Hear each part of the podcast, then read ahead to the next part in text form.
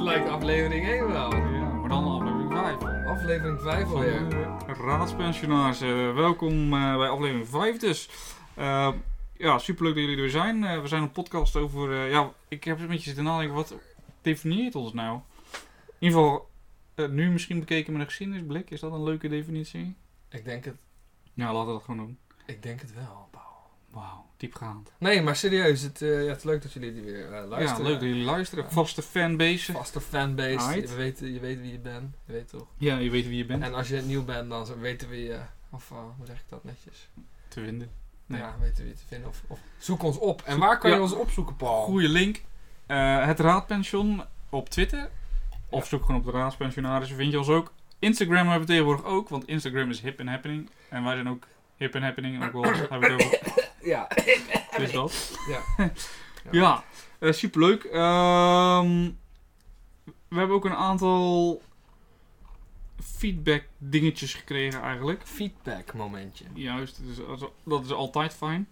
Ehm, en een van de dingen is eigenlijk, het gaat natuurlijk altijd over de podcast, over de zeg maar, inhoudelijke feedback. Hè? Dus niet van eh, en je geluid is zacht. Nee, echt inhoudelijke feedback. Hey Eh, Paul, je geluid is zacht. Ja. Het ging over bijvoorbeeld de Eerste Wereldoorlog. Eh, die, de luisteraar had het idee dat wij beweerden, of in ieder geval dat het erover ging of dat het wel of niet zou uitbreken. Maar eh, hij had een eh, boek gelezen waarin stond dat het sowieso ging uitbreken omdat iedereen technologische snufjes had. Nou, dat willen we natuurlijk wel bevestigen, want dat is gewoon zo. Eerste Wereldoorlog had Ja, hoe dan ook ja, uitgebroken. Absoluut. eh, ja, de, de- de- dat, is gewoon, dat is gewoon zo'n punt. Ja, Punt. Vanaf eigenlijk Frans-Duitse oorlog al eh, zie je eigenlijk die ontwikkeling van eh, ja, wapens, technologie en eh, door ook een beetje de railpolitiek van Bismarck. Hey, hey, linkje voor. Awesome. Eh, ja, zie je dat eigenlijk eh, ja, die, die, die, die, die tegenstellingen heel hard worden. hè. En eh, ook door de, ja, de, de, de grootmachten die samenwerken. En, Ja, precies. Dus. eh, in ieder geval, Eerste Wereldoorlog zou sowieso gebeuren. Helemaal mee eens. En de moord op Frans Ferdinand was de druppel eigenlijk. zeggen ze altijd, hè? de druppel die de emmer deed overloopt. Een directe oorzaak. Naast de indirecte oorzaken. Eh, daarnaast had, eh, was er wat feedback op, eh, of eigenlijk op onze opmerking of dat niet iedereen blij was met Stalin, zeg maar. Dus dat wij zoiets hadden van, ja, Stalin, niet iedereen is daarmee blij mee. hè, want het is, het is duidelijk wat hij gedaan heeft. Maar dat is natuurlijk niet helemaal waar. In die zin dat het is misschien wat breder. Het is misschien wat zeg maar, over het communisme. Hè, dat we nu zeggen van ja, communisme faalt hard en dat vond iedereen. Maar dat is eigenlijk, ja, dat moeten we wat nuanceren. Want eh, zo zei hij, ik, heb een, eh, ik had een vrouwelijke collega uit eh, Praag. En die hebben natuurlijk dat meegemaakt. Zeker die ouders hebben dat meegemaakt, het communisme. En die hadden zoiets van, ja, weet je, in de tijd van Stalin en het communisme had iedereen een baan. Alles was gewoon geregeld. Ja, oké, je had in de supermarkt geen, bijvoorbeeld geen bananen of iets dergelijks. Maar ja, verder had iedereen dus vast inkomen, standaard inkomen. En dat soort dingen. En dat mo- moest ik denken aan mijn eigen tijd toen ik wel eens in Oost-Duitsland ben geweest. Met het helpen in, eh, toen de Rijn zeg maar over zijn oeverstrad. Ehm, toen waren we daar ook en toen zei ze ook van ja, weet je, eh, als er tien jaar geleden dit zou gebeuren, dan zou er een vrachtwagen militairen komen en die flikkeren die zandzakken neer en dan is het oké, weet je wel. Ja. Nu moeten we dat allemaal zelf regelen. Ah, dat is wel bijzonder, toch? Dus dat, dat soort nuance dingen zijn natuurlijk wel. Kijk, wij kijken natuurlijk vaak naar de grote lijnen. Maar ja, zo zie je dat het volk bijvoorbeeld op een platteland die niet per se voor of tegen Stalin is. En in die zin niet, zo, niet super veel last daarvan had. Of misschien zelfs wel eens dachten van nou, eh de communisme was helemaal zo slecht of niet. Nee. Ehm, daarnaast hadden we iemand die zei van ja, de populistische golf valt wel mee. We zien alleen een verplaatsing van de PVV naar de FVD. Nou, dat eh, moet ik wel zeggen, dat is natuurlijk ook met de Europese verkiezingen gebleven, eh, gebleken. PVV is naar nul gegaan. FVD is whatever, ik weet niet meer hoeveel. Vijf? Meer in ieder geval. Ja? Nou, ja. En ook eh, een soort nuance met, ja, als je zeg maar 20% die populistisch rechts stemt, dan heb je nog steeds 80% die dat niet doet. Yep. Dus dat is, klopt. En we hadden ook nog post over mijn film, filmreview van Dunkirk. Dat was Oh, echt waar? Ja, Oh, daar ben ik wel heel nieuwsgierig naar. Ja. ja, die persoon zei, ja, weet je, eh, Dunkirk is wel mooi, want het is, eh, het is klein gehouden. Dus, eh, maar goed, ik kan me voorstellen dat je dat zegt. Het is mooi gefilmd natuurlijk, uiteraard. Het is een nieuwe Absoluut. film, mooi gefilmd. Eh, en het is inderdaad klein gehouden. Daardoor wordt het niet zo'n porno, eh, Amerikaanse porno-oorlogsfilm, weet je, dat er eh, lichaamsdelen in het rondvliegen. ja.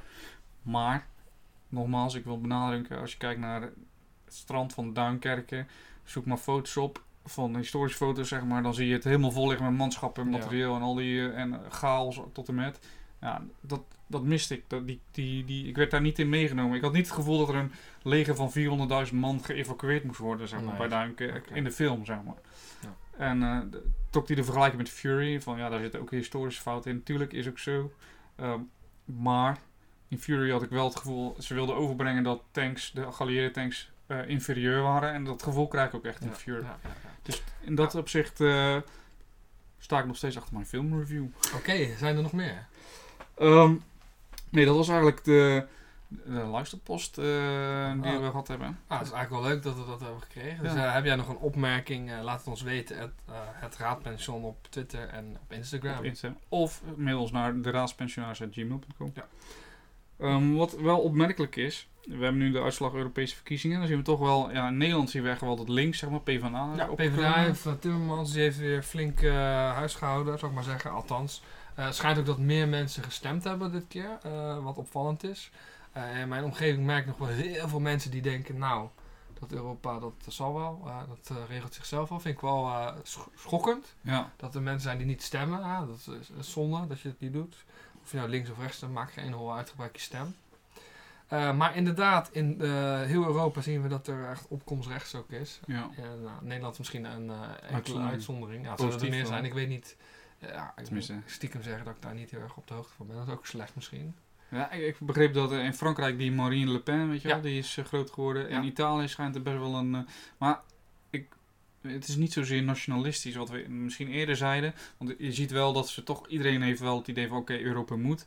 Maar ze willen het veranderen. Zeg maar. Willen Ja, verandering willen- van binnenuit. en- Ja, precies. Wat dat op is, zich positief is. Ja, dat is absoluut positief. Hè? Ik bedoel, eh, het is niet an nou ja, anti-Europa is misschien een groot woord. Ja, anti okay, we hebben ook die anti-Brexit, die Brexit Party uit, eh, uit ja. Groot-Brittannië. Dat is dan wel weer iets. Hè? Ze moeten natuurlijk meedoen, ondanks dat ze er niet in zitten. Ja, gaan ze natuurlijk uh, heibel schoppen. Uh, dat is wel een beetje jammer inderdaad. Ja. Uh, maar inderdaad, opkomst uh, rechts, zou ik maar zeggen. ja. Wat op zich niet uh, betekent dat het verkeerd is, moet Nee. ik zeggen. Want ja, Tuurlijk. ik denk dat het wel handig is als uh, Europa is best wel een bureaucratisch gedoe geworden, zeg maar. Dus dat, uh, daar kan wel iets in veranderd worden. Mhm, mhm. Wat, wat ik opmerkelijk vind overigens, ik weet niet of jij het hebt ge, ik kreeg het doorgestuurd ook van een andere luisteraar. Anne Frank roost op Netflix. Nee, ik heb daar niks over Ik gehoord. weet niet of je de roost kent. Ja, ken ik. Ja, dus de, de roost, voor de mensen die het niet kennen, er is één bekende Nederlander eh, of Amerikaan, zeg maar een bekende acteur of eh, bekende persoon. En die wordt door zijn maten wordt die geroost, zeg maar. Nou, wat gaan ze nu doen op Netflix? De roast van Anne Frank. Eh, en daarbij zullen, zijn dus bekenden van Anne Frank. in de zin van, nou, Hitler bijvoorbeeld is er ook. En die gaan Anne Frank dan roosten. Dus afzeiken eigenlijk. Roast is afzeiken. Ja, in een interview vertelt de maker ervan, eh, Jeff Rost, waarom zijn keuze eigenlijk op Anne Frank viel. En niet op Hitler bijvoorbeeld. Want de mensen hadden gezegd, waarom roost je Hitler niet? Dat is toch veel grappiger. Toen had ik gezegd, ja, ik rooster eigenlijk alleen maar mensen ehm, die belangrijk zijn of die ik belangrijk vind. Eh, waarmee hij dus zegt dat hij Hitler niet belangrijk vindt en Anne Frank vindt hij wel belangrijk. Ook vindt hij eh, het in het geval van Anne Frank dat het lijkt alsof mensen haar verhaal vergeten. En dat wil hij eigenlijk op deze manier weer naar voren brengen. Dus door middel van negativiteit probeert hij het eigenlijk het positieve te belichten. Ja, je hebt natuurlijk wel vaker dat uh, beladen onderwerpen uh, ja, uh, satirisch worden besproken.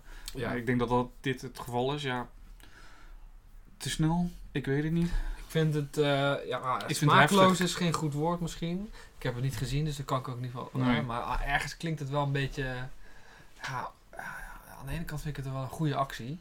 Anderzijds denk ik, ja, ik vind het nou niet misschien de beste methode die we kunnen gebruiken om het verhaal van Anne Frank nog een keer te vertellen. Nee. Ja, mm, nou, ja ik vind het wel lastig. Ik, uh, ja. ja. ik, ik heb hetzelfde. Ja, het is lastig. De roast is op zich wel grappig, daar niet van. Maar, ja, maar om dan... Ja, dit is best wel is niet te snel, weet ja, je wel. is toch een beetje gevoelig, toch? Ja, het is gevoelig, het is snel. Maar aan de kant is dat denk ik ook wel de bedoeling, hè? Ja, ja het is natuurlijk de bedoeling om te chockeren, laten we wel wezen. Ja. Uh, en het werpt wel weer licht op ja. Anne Frank, dus... Uh, ja. Nou, dat waren in ieder geval opmerkelijke dingen. Ja, in principe staan we daar niet op te wachten. En gisteren stonden er heel wat mensen erop te wachten. Ja, op de super bruggetjes bouwen ben je, hè? de bruggetjes bouwen. Ah, nee, uh, ja, natuurlijk de OV-staking. Ja, grootste in 15 jaar. Ja. Um, eigenlijk gaan de acties tegen de, de, de, de hoe zeg je dat? Pensioen natuurlijk. Ja, de leeftijd gaat steeds verder omhoog Ja. Ehm, en dat was 15 jaar geleden was het eigenlijk ook zo. En dat was tegen het kabinet Balken en de Twee hadden toen nog. Eh, de de FNV-voorzitter toen was uh, een meneer De Waal. En die, eh, ja, die deed hetzelfde. Die, die staakte voor... of eigenlijk tegen een veropening van, van de FUT en het, en het prepensioen. Dus ehm, ja, grootste in 15 jaar. Best wel typerend dat dat nu dan gebeurt. Maar go- goed of niet goed? Wat denk jij? Ja, weet je, ik hoor altijd heel veel mensen zeggen, ja, staken, dat is eh, uit de, uit de uiterste middel of zo, of dat is Mhm. te ver. Of, en Nederland is natuurlijk, we zijn wel poldermodel. Maar ik denk dat je met staken wel heel duidelijk aangeeft tot hier en niet verder. Klopt. Dat ben ik met je eens. Het, het mag ook. Hè. Het Ja, het is ook een recht. Het is een recht inderdaad. En ik eh, ja, vind het wel prima eigenlijk. Weet Ja, je. Ik vind dat je daar... je, eh, moet natuurlijk wel niet om eh, elke uh, poep of scheet eh, Nee. gaan staken. Dat, dat laten ze ook niet toe. Absoluut niet. je rechter beslist altijd Ja. dat het mag. Precies. En ja, in dit geval denk ik, ja, doe gewoon. Ja, vind ik ook. Belangrijk, weet je. Het is ook best wel, wel pittig werk, laten we eerlijk zijn. Sowieso. Ja, Ja. Want die mensen elke dag over hun oren geslingerd krijgen. worden je dadelijk met 70 in een eh, bus in je gezicht gespuugd wordt of zo. Ja, precies. Eh, ja dat is misschien een extreem voorbeeld. Ja, maar- precies. Dus het is gewoon heftig, joh. Ja. Oké. Nou, Dus, maak gebruik van je, van je, van je staakrecht als je het het absoluut. nodig is. wat nog meer? Ja, ehm, in het nieuws ook aanslag in Japan. En motief is nog niet bekend. En dat is wel opvallend, vind ik eigenlijk. Ik heb een beetje research gedaan naar aanslagen in Japan. Omdat natuurlijk ook niet veel hoor. Nou wonen we niet in Japan, dus dat is misschien ook ergens wel logisch. Maar de eerste eh, echte grote aanslag die ik tegenkwam was 20 maart 1995. Dus dat is lang geleden. Ja, dat was een, geloof ik een secte, hè? Ja, de secte van... eh, oh my god, Japanse naam. Aum Shinrikyo. Shinrikyo. Ja. Oh, maar ja, Aum ik heb geen idee. ja. Aum, betekent eh, universum en Shinri en Kyo betekent zo, waarheid en leer. Snap ik hem. Aum Shinriko. Ja. Shinrikyo? Kyo. Rikyo. Shinrikyo. Oh, jezus. Oké, nou in ieder geval, eh, wij kunnen het niet uitspreken.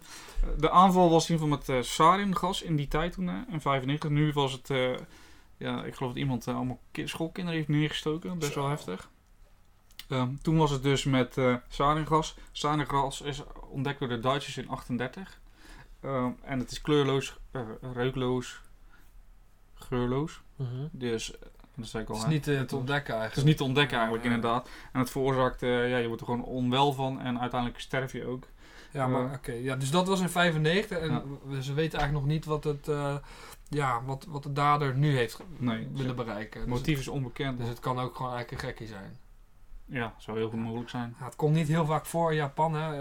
Eh, ve- veel aanslagen tegenwoordig is vaak omtrent eh, ja, eh, Midden-Oosten, Ja. in Europa. Hè. Eh, Dat zie je in Azië eigenlijk niet echt vaak Ja. terugkomen. Mm, Nou, dat is niet helemaal waar. Nee? Ik geloof ook nog wel, nou ja, het is niet echt een aanslag. Ik weet nog wel dat er een, eh, iemand, een pre- presentator uit Japan, ook gegijzeld was in het IS-gebied. En die, als eh, losgeld moesten ze geloof ik een paar miljoen geven. Nou, ik weet niet, volgens mij hebben ze het niet gedaan. Nee, dan zal die man het niet overleefd Nee, dat denk ik ook niet, nee. Maar ja, dat dan weer wel. Maar inderdaad, Azië die heeft niet echt, Niet echt het... die is niet ingemengd ook in, eh, het Midden-Oosten. Dus ja dan, dan, ja, dan richten zich daar niet op. Met uitzondering natuurlijk van Indonesië. Ja.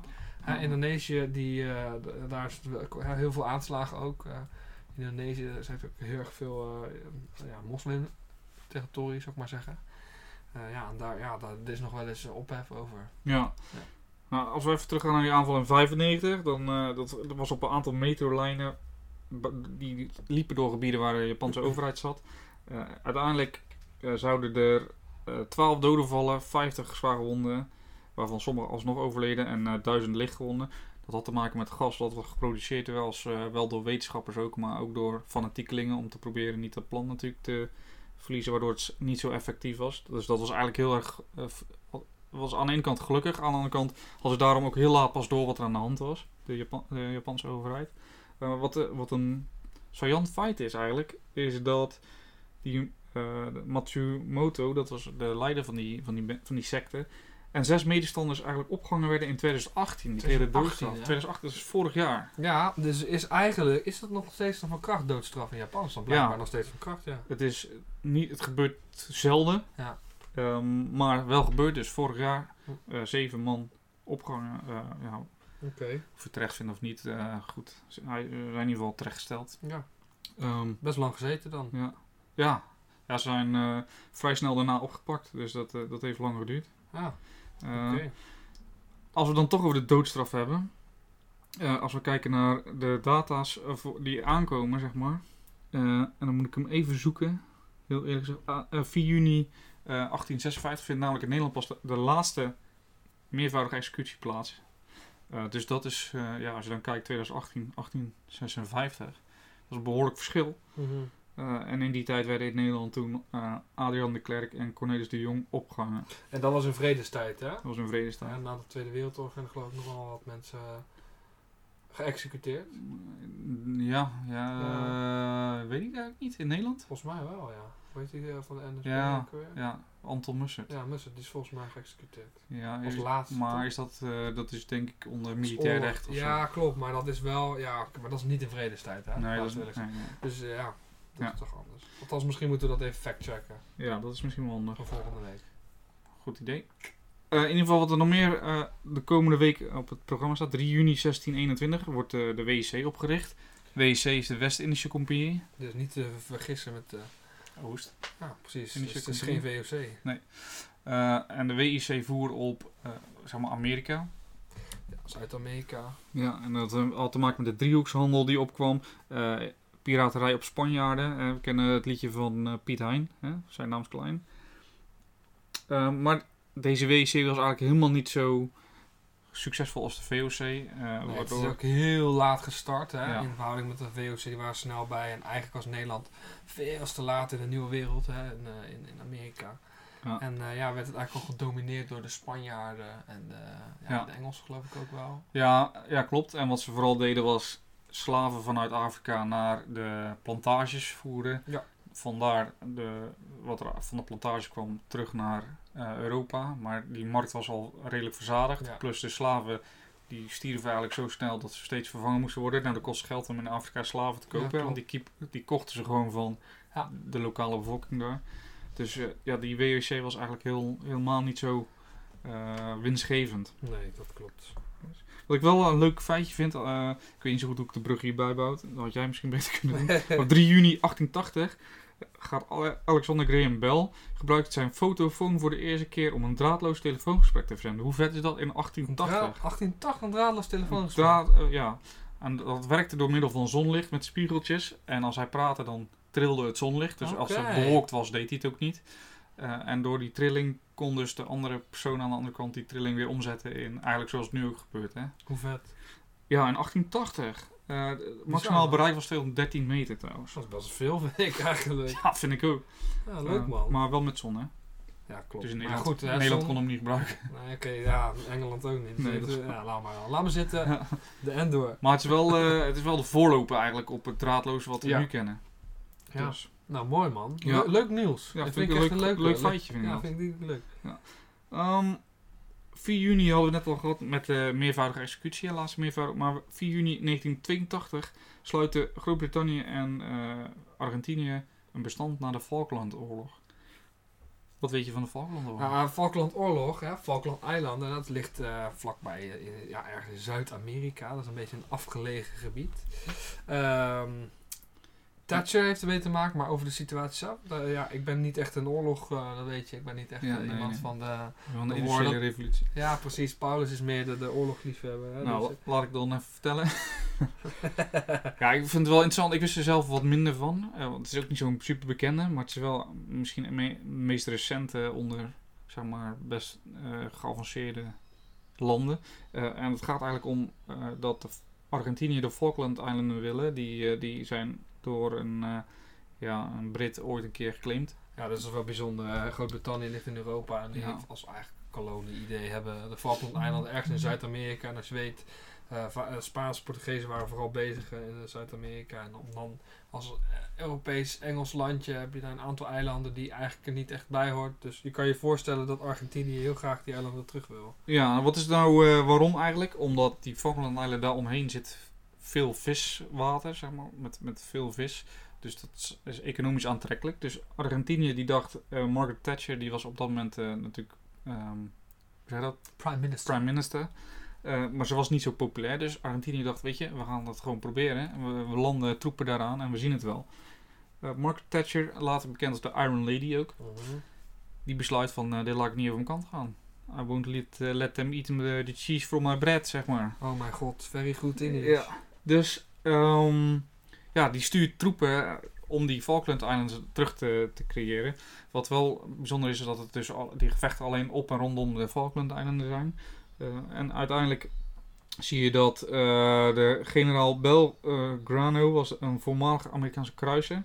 Uh, vanuit de Tweede Wereldoorlog, de USS Phoenix. die had ook de aanval op Pearl Harbor trouwens doorstaan. Oh. Die werd op 2 mei 82 aangevallen door de HMS Conqueror, een Britse atoomonderzeeër. Enige aanval ook met een atoomonderzeeër bekend. En dus even voor duidelijkheid, hè, dat schip wat de Argentijnen hebben, dat was voormalig Amerikaans schip. Ja, dat hebben ze overgekocht. En ja. omgedoopt tot generaal Belgrano, zal wel een of andere Argentijnse generaal zijn natuurlijk. En de Britse atoomonzee die valt hem aan en die brengt hem tot zinken. Met drie torpedo's, die trouwens ook nog afstamden uit de Tweede Wereldoorlog. Dus dat is wel een soort irony of zo. Ja. Hoe zeg je dat? Ironisch. Ironisch, ja. Een, een Tweede Wereldoorlog schip is gezonken door Tweede Wereldoorlog torpedo's in 1982.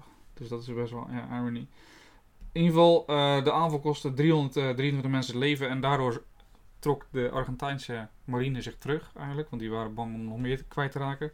De HMS Sheffield, dat is een, een Brits schip, werd twee dagen later tot zinken gebracht door een Exocet-raket. Dat is een raket die in Frankrijk uh, geproduceerd was en verkocht aan Argentinië. En ook daarna uh, trokken dus de Britten hun schepen wat verder terug.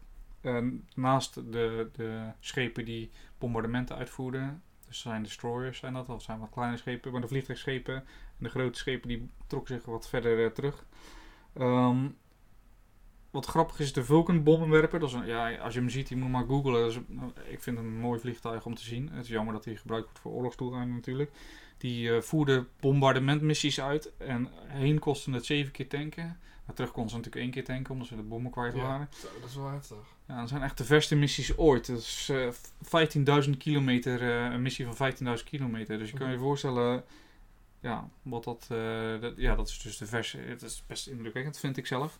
Ja, en hoe is het afgelopen? Um, nou ja, de Britten winnen uiteindelijk. de militairen van de Britten waren beter getraind. Betere uh, wapens, betere munitie uh, en, en ja, materieel. Dus die winnen die Falklands Island terug. Argentinië die, die verliest eigenlijk de steun voor zijn, voor zijn overheid. De junta is dat. en de Britse steun voor de regering die groeit eigenlijk. Dus je ziet dat ja, Argentinië verliest, verliest de overheid verliest steun. En in Engeland is het anders. Wat eigenlijk een, wel goed uitkomt voor Margaret Thatcher eigenlijk. Ja. En hoe is dat nu? En nu zijn de Falkland Eilanden nog steeds uh, van Groot-Brittannië. Ja, bijzonder. En de junta is gevallen ondertussen. Ja, dat, dat is bijzonder, toch? Ja, dus dat is. Uh, maar het is, je ziet dat 1982 is niet zo ver geleden. Nee, dat klopt. Dat is, dat is nog best wel vers eigenlijk. Zeker vers. Ja. Um, een ander punt. Wat gebeurde op dezelfde 4 juni. Oh, dezelfde 4 juni zelfs. nou, niet dezelfde. ah. Een aantal jaar later. Zeven jaar later, ja, Het scheelt niet heel erg veel. Nou, wat gebeurt er dan? protesten op het plein, de hemelse vrede in Peking. Nou, worden met harde hand onderdrukt. Nou ja, eh, als je dat weet, communisme in, uh, ja, in China bestaat nog steeds eigenlijk. Uh, wel een andere vorm natuurlijk, daar moeten we wel eerlijk over zijn. Het is wel heel anders. En ja, dat uh, protest is zo heftig dat er flink wat mensen overlijden, 3000. Ja. En ja, de aanleiding was de dood van de hervormingsgezinde secretaris-generaal van de communisten, dacht ik. Ja, ja klopt, ja. Uh, die, die was hervormingsgezind is in dit geval positief. Hè. Die wilde meer democratie. En uh, het protest op de plein van de Hemels Vrede pleitte daar ook voor. Ja. Goed, ja, op tv was dus te zien hoe hardhandig dat, uh, dat ja, werd onderdrukt. Ja, dat is meestal wel nadelig hè? Dat ja. voor de machthebber als dat soort dingen gebeuren. Ja. En ja, dat is ook zo gebleken natuurlijk. Ja. Um, ik denk dat China wel een leuk item is om een keer wat uitgebreider te behandelen. Is, ik vind de historie van China echt zeer interessant. Ja, nou, vooral de laatste honderd jaar zijn heel indrukwekkend. Hè. We, we, kennen allemaal wel een klein beetje hoe de cultuur vroeger eruit zag. Hè. Dat kennen we wel van, de, van beelden, van veel films, foto's, alles. Hè. Dat kennen we allemaal wel.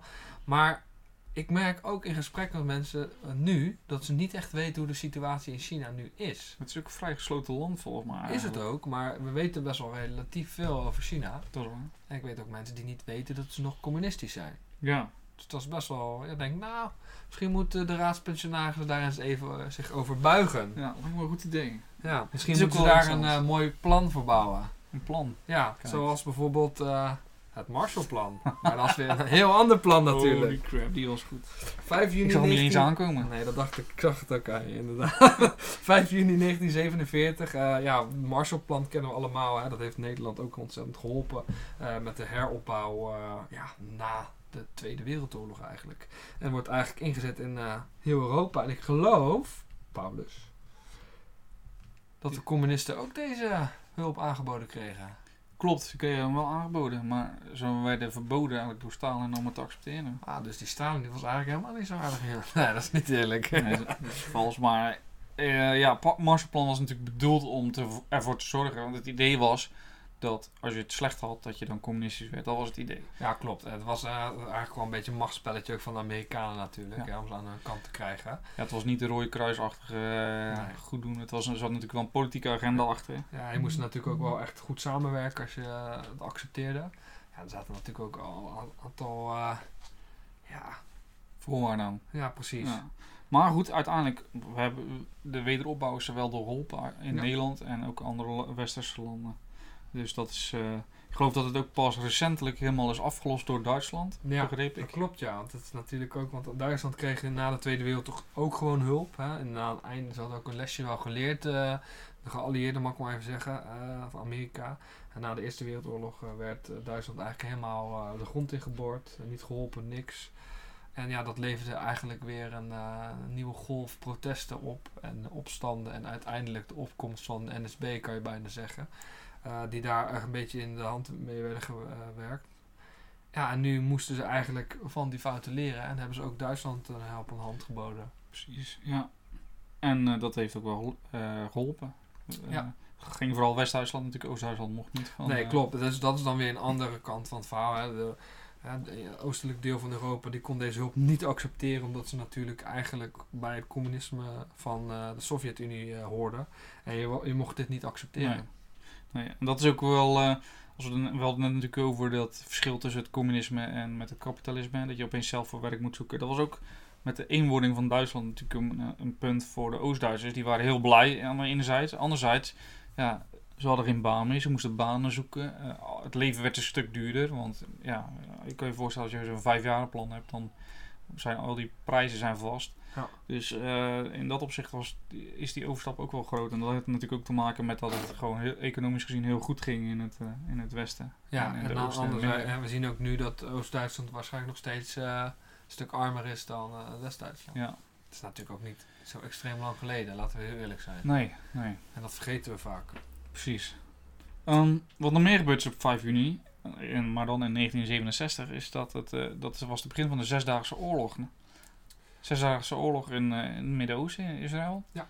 Israël besluit om eh, preventief zijn buurlanden aan te vallen. Die zijn bezig met troepenopbouw en eh, de president van Egypte op dat moment heeft best wel dreigende taal in de zin van ja, we moeten die Israëli's uitroeien en dat soort dingen. Ja, dus eigenlijk de- ja, de, de Joodse bevolking in dit geval. En ook in verhouding met wat er daarvoor de opstand van de Palestijnen eh, aan de hand was. ehm, willen de, de Arabische landen ook gaan samenwerken tegen Israël. En eh, ja, preventief eh, schakelt Israël eigenlijk al hun, ja, geloof vliegtuigvelden uit. En, Alles eigenlijk. al Ja. vooraan, al ja, De eerste dag geloof ik dat alle vliegvelden in de buurlanden uitgeschakeld zijn. Daarna worden er gevecht, eh, gevechten geleverd met eh, de grondtroepen. Maar die worden ook gewoon, ja, Israël eh, wordt gesteund door Amerika. Dus Ja. dat is high-tech, shizzle. Dus, dus eigenlijk, ja, Israël, die, die eigenlijk hakt ze allemaal in de pan. ja, Maar fascinerend. En ik vind het ook wel eigenlijk wel een klein beetje stoer dat zo'n één land tegen zoveel landen wint. ja, Altijd een beetje David tegen Goliath, zeg je Ja. dat toch? ja, als je dan toch in Joodse termen blijft. Wow, daar had ik niet eens over nagedacht, eerlijk gezegd. Nou, holy crap. Eigenlijk, eigenlijk zijn mijn eh, bruggetjes wel zo episch dat ik ze niet eens door heb. Ja. ja, dat wel. Aan de andere kant eh, blijft het natuurlijk altijd een, een hekelpunt. Ja, het is een moeilijke situatie. Ja. Misschien ook wel een leuke keer een onderwerp over eh Midden-Oosten doen. Ja. En dan wel natuurlijk uiteraard beide kanten belichten. Ja. ja, lijkt me een goed idee. Ja. In ieder geval, eh, uitslag van de Zesdaagse Oorlog is dus verslagen eh, buurlanden. Israël neemt de Golanhoogte in, neemt eh Sinaï-woestijn in. En ik geloof dat het verdubbelt of verdriedubbelt zelfs zijn eh, grondgebied, zeg maar. Ja, die Palestijnen. Ja, ja, precies. Ja, die Palestijnen die krijgen het ook niet beter op natuurlijk. Nee. Maar goed. Later worden wel delen weer teruggegeven met de Ja. Kamp David-akkoorden. Maar ehm, Tot op de dag van vandaag is het eh, nog Is steeds een beetje onrust. Ja. Zelfde 5 juni, maar dan 68, dus een jaar later. Robert F. Kennedy, dus de broer van, Mhm. wordt neergeschoten in het eh, Ambassador Hotel in Los Angeles door eh, Shiran Shiran. Eh, hij overlijdt de volgende dag. Dus dat is eh, ja, zonder. Hoe zeg je dat? Hetzelfde ding als zijn broer. Zijn broer is ook Ja, heftig, creepy eigenlijk. Het is een conspiracy. Ja, misschien wel. Nou, wie weet. Eh, we kunnen ook nog terug de tijd in, namelijk op 5 juni 754. Oh. Bonifacius wordt bij Dokkum vermo- gedood, vermoord. Weet je nog hoe die vermoord is? Ehm, ja, het verhaal is toch dat hij zijn Bijbel, eh, dat er een mes door of een zwaard door zijn Bijbel ging, zoiets. Ja, er is in ieder geval zo'n bijbel schijnt gevonden te zijn. En die eh, had nog geloof ik een, eh, een messteek of een zwaard of zo geblok afgeweerd. Ja, alleen ja, Bonifacius is natuurlijk wel om het leven gekomen bij Dokkum. Maar weet je ook waarom? Ehm, nou, officieel gezien zou het zijn omdat Friese geen, het geloof niet wilden. Maar Ja. volgens mij is het, onofficieel is het gewoon een overval geweest Ja, en klopt. toevallig, zeg maar. Precies, en dat is natuurlijk ook weer een soort van propaganda met materiaal. Ja, En die Friesen die wilden aan de ene kant niet parkeren, maar ah, het verhaal gaat dat het eigenlijk gewoon een, eh, ja, niet een opgezette eh, aanval was, maar dat het inderdaad gewoon een plunderbende Ja. bende was. en toevallig. Ja. Wat wel goed uitkwam voor de christenen, eh, de. Franken, die dan daarna Ja. Friesland eh, wilden veroveren. Yes, yes. Hey, eh, volgende week, eh, 6 juni 1944, ja, die day natuurlijk. Ja. Ehm, ik, ik stel voor dat we volgende week daar een special over maken. Lijkt me leuk, echt alleen die day. Gaan we doen. Ehm overigens ben ik dan vijf jaar getrouwd. Even door. Nee.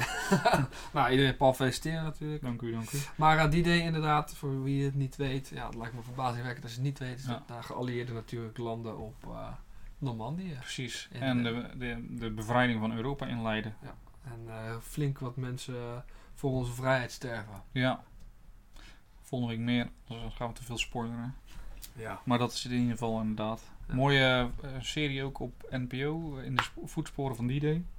super mooi. Dus mocht je al niet kunnen wachten op onze special, kijk dat dan. Ehm, dus dat. Ehm, 6 juni 1990 worden de eerste foto's genomen buiten ons zonnestelsel door de ruimtesonde Voyager 1 en terug naar de aarde doorgestuurd. Nou, op de foto zijn er zes planeten te zien, waaronder de aarde natuurlijk. Van een eh, afstand van 6 miljard kilometer, dus dat is wel leuk. Ik vind dit soort dingen echt heel interessant. Ja, Daar word ik echt happy van. Ik vind het, echt, ja, het is zo fascinerend eigenlijk. Kan je je voorstellen dat er dus een, een, een zonde de ruimte geschoten wordt en dan eindelijk een foto maakt van waar wij nu zijn. Dus alles en iedereen die ooit is, heeft geleefd. Hoe je er ook uitziet, stukje stof, moleculen, is te zien op die Ja. foto. maar ja, dat is allemaal hoax. Ja, gaat Aarde is plat. Ja joh, maakt niet uit. Ja, en dan mensen dat geloven, ja, maar goed. Anyway. Eh, we respecteren iedereen's mening. 8 juni 1972 wordt eh, Kim Fuck. Kim Fuck. Oh. oh, dat is echt heel. Ja. Kim Fuck. Is niet Kim Puck. Kim, Kim, Kim, Zou Fuck. ik zou gewoon Kim Puck noemen? Anders? Kim Fuck wordt gefotografeerd en niet op die manier zoals jij denkt. Nee, eh, na een napalmaanval in Ja. 1972. dat is natuurlijk eigenlijk heel triest. Ja, Ehm, ja, fucked. En, eh, oh, dat is echt slecht. Ja, Na tien jaar wordt in ieder geval haar identiteit bekend. En daarna werd ze gelijk ingezet als propagandamiddel door eh, Noord-Vietnam. Ze moest ook stoppen met haar studie. Eh, dus ja, dat kwam natuurlijk in Noord-Vietnam wel goed uit. Eh, ja, dus later heeft ze nog wel geprobeerd de studie, eh, ehm, de studie voor te zetten. Wat er wel een, een, een bijzonder detail is, dat de napalmaanval was natuurlijk door de Amer- Amerikanen. Ja. Ehm, eigenlijk in, in Noord-Vietnam was ze opgegeven. Amerikaanse journalist die neemt hem mee naar een speciaal ziekenhuis eh, met plastische chirurgie en alles. En ze heeft het dus overleefd. Ja, dat is wel... Dus de Amerikaanse aanval enerzijds zorgt voor haar situatie, anderzijds eh, helpt dan weer een Amerikaan haar zover dat ze Mhm. wel overleeft. Ik weet niet of je daar dan dank... Ja, je moet er wel dankbaar voor zijn dat je Aan geholpen de enerzijds ben je wel dankbaar. Ja, die weet niet of die doktoren daar echt... Ja, die zullen niet voor gekozen hebben om dat napalmwapen in te zetten. Nee, In die zin, eh, ja. ja, het is wel cru. ja. Ja, het is krom. Ja. Het enige juiste wat hij kon doen misschien. Ja. In ieder geval, eh, als we nog een keer terug in de tijd gaan op 8 juni 632, dit is wel eh, leuk voor onze islamitische vrienden, eh, is dat de Mohammed, de profeet natuurlijk, eh, in Medina overlijdt. Ja, ik weet niet of het leuk is, maar Nee, in ieder geval dat we iets noemen. Nou, We noemen, oké, ja, uit- goed. uiteraard. Ja, waar overlijdt hij Medina na een kort ziekbed. En hij wordt eh, opgevolgd door eh, Abu Bakr. Ja, wat ook weer gelijk zorgt voor de splitsing Shiïsme en Soenisme. Ja. Ik voel me ook daarover een special aankomen. ja. Dat is echt een fascinerend onderwerp. Ja, dat is heel fascinerend. Al die twee stromingen die ook echt nog steeds een beetje elkaar na vliegen. Nou, niet een beetje. Behoorlijk volgens mij. Ja, Ja, daar zijn ook veel aanslagen eh, op elkaar bedoeld. ja eh, je ziet dat de ene kant eh, wil Abu Bakr, dat is zijn... Oh my god. Ik weet het niet meer. Het is in ieder geval zijn familie van hem, van mij zijn oom, ja. Die, die willen hem volgen als kalief, zeg maar. En anderzijds willen ze echt een bloedverwant, een dichterbij. En dat is dan geloof ik zijn neef. Mm, ja. En die wordt weer vermoord. Het is best wel intrigerend verhaal. Abbaside, Omeyyade, Ja. verhaal. Nou, we gaan er echt een keer Ja, special over doen. Het is een echt fascinerend onderwerp. En natuurlijk eh, goed voor de beeldvorming, denk ik. Over eh, het Midden-Oosten, net zoals bij China. Eh, we kennen over het algemeen wel een beetje, maar niet de gehele geschiedenis. Nee. Het is goed om daarover Terwijl het heel interessant. Ik vind het Midden-Oosten echt heel interessant. Ik ook, ja, absoluut. Special. Ja. Eh, laatste, 9 juni 3, eh, 34, 1934. Ja, Speciaal persoon wordt geboren. gaat toch echt man. Ja, ik- ja. Wat doet deze in onze lijst, man? Sorry, Donald Duck wordt geboren 4, 1934. Dat is 9 juni. Ah, Ah, oké. We weten wel in ieder geval dat Mickey Mouse eerder was. Ja, dat is sowieso. Oké, dus ehm, nou ja, eh, we hebben al een aantal dingen vrij uitgebreid uitge, eh, uitgestipt, zeg maar, of behandeld. Ja. Volgende week dus die D-Day special. Dan denk ik dat ons nog één ding rest. De antwoord op onze luisteraarsvraag. Ja, Nou, wat was de vraag ook weer? ik weet het niet meer. Hij was in ieder geval Wat heel was erg de overeenkomst tussen... tussen... eh, ja, say it. tussen fuck. Het grootste Duitse tijde van de Tweede Wereldoorlog. En, eh de zeer eerste- beroemde... En de allereerste... Ah, dit is uh, Rijkskanselier. oh ja. Dat was. Zeg- Dutch Dead Bullet. Ja, nou, man, the Een beetje. bullet we dodged today. Eh, Anyway. nee, dus eh, het gaat dus eigenlijk over eh, de Bismarck. Ja, de Bismarck is het grootste Duitse slagschip. In 19, 1939 werd hij te water gelaten. Eigenlijk, voor, daarvoor mochten de Duitsers het niet bouwen. En volgens het verdrag van Versailles. Later hebben ze dus met eh, de Britten hebben ze een deal gesloten. Een vlootdeal. Waardoor ze grotere en sterkere oorlogsschepen mochten bouwen. Nou, ze zijn gelijk weer gegaan met eh, een huge ass eh, battleship. De Bismarck. Huge Eh, ass. Ja, samen, samen met zijn zusterschip. Daarvan naar de huge ass. Huge ass. Tirpitz.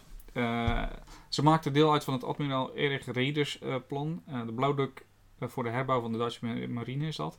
Ehm, wat wel bijzonder is, is dat in de Tweede Wereldoorlog eigenlijk alle landen merken dat de, rol van een slagschip eigenlijk uitgewerkt is. En dat eh, de vliegtuigschepen dat overnemen. Die hebben veel groter bereik, veel grotere slagkracht. Eigenlijk de vliegtuigen zelf dan natuurlijk, het schip niet. Maar die vervoert, dat is gewoon een, een varende vliegbasis. Ja. En je ziet dat die, die slagschepen te groot en te lomp zijn om daar tegen te kunnen. Maar goed, Traag vooral. en te traag, ja.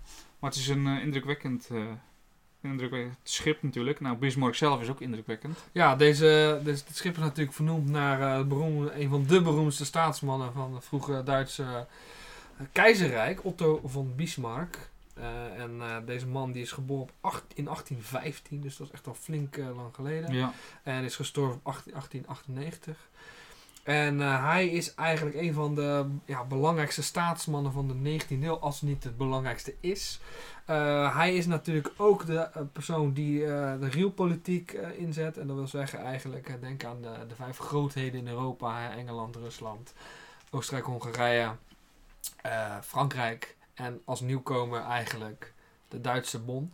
ja. En later ehm, ja, zorgen hij en eh, de, ja, de eerste Du- Duitse keizer eigenlijk dat eh, Duitsland verbonden wordt.